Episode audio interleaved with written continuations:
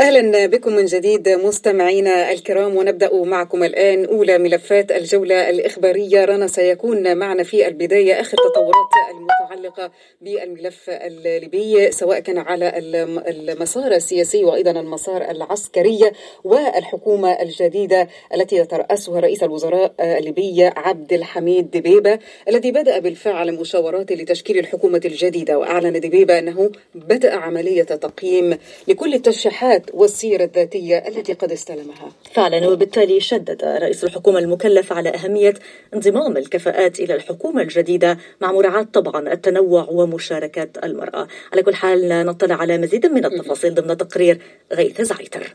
مشاورات تشكيل الحكومة الليبية الجديدة تتواصل والاختبار الأول لرئيسها عبد الحميد دبيبة هو الوصول إلى تشكيلة متوازنة ترضي الأقاليم الثلاثة.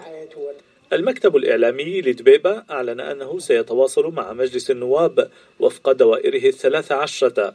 آملا التئام المجلس في جلسة مكتملة النصاب في أقرب فرصة ممكنة لمنح الحكومة الثقة في الموعد المقرر أي قبل السادس عشر من فبراير الجاري.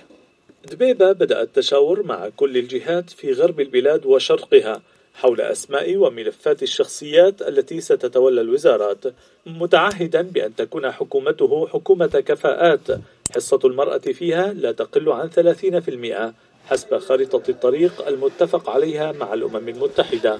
ومن مدينة مصراتة التي ينتمي إليها أوضحت بيبا أمام شخصيات من المدينة أنه قد يستعين بخدمات وزير الداخلية الحالي في حكومة الوفاق فتحي باشاغا في الحكومة الجديدة. لكنه لم يحدد ما إذا كان باشاغا سيستمر في عمله وزيرا للداخلية. أم سيعهد إليه بحقيبة وزارية أخرى. يأتي هذا بالتزامن مع ارتفاع الدعوات التي تطالب بتوحيد البرلمان المنقسم تفاديا لتكرار تجربة حكومة الوفاق التي لم تحصل على ثقة البرلمان بسبب الخلافات بين أعضائه.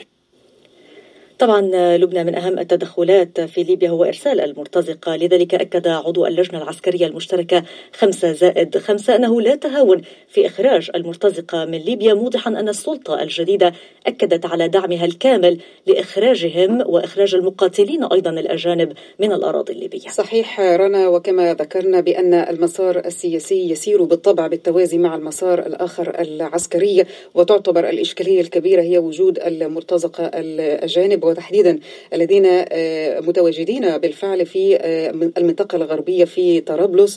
ولكن عضو اللجنة العسكرية المشتركة خمسة زائد خمسة قال إن اللجنة العسكرية تواصلت مع سلطة الانتقالية الجديدة والتي أكدت دعمها الكامل لمسار عمل هذه اللجنة. كافة التفاصيل الآن نستعرضها في هذا التقرير لمروان عبد العزيز وبصوت أشرف فارس. المرتزقة الأجانب سيخرجون من ليبيا بأي وسيلة. خطة أكدت عليها اللجنة العسكرية المشتركة خمسة زائد خمسة بشأن ليبيا. عضو اللجنة العسكرية المشتركة الفيتوري غريبيل قال إن اللجنة لن تتهاون في إخراج المرتزقة الأجانب من البلاد بغض النظر عن أي مهلة في هذا الصدد. وكشف عن تلقي اللجنة لدعم من قبل السلطة الليبية الانتقالية المنتخبة في هذا الملف. تصريحات تأتي غداة تأكيد فرنسي على ضرورة إنهاء التدخل الأجنبي في الأزمة الليبية. وزير الخارجية الفرنسي طالب خلال مباحثات مع المبعوث الأممي إلى ليبيا طالب بضرورة رحيل القوات الأجنبية والمرتزقة من ليبيا حتى يفسح المجال أمام استكمال العملية السياسية التي ستفضي إلى انتخابات بحلول نهاية العام.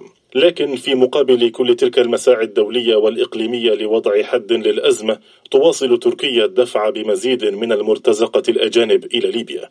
المرصد السوري كشف عن عزم أنقرة إرسال دفعات جديدة من المرتزقة إلى طرابلس.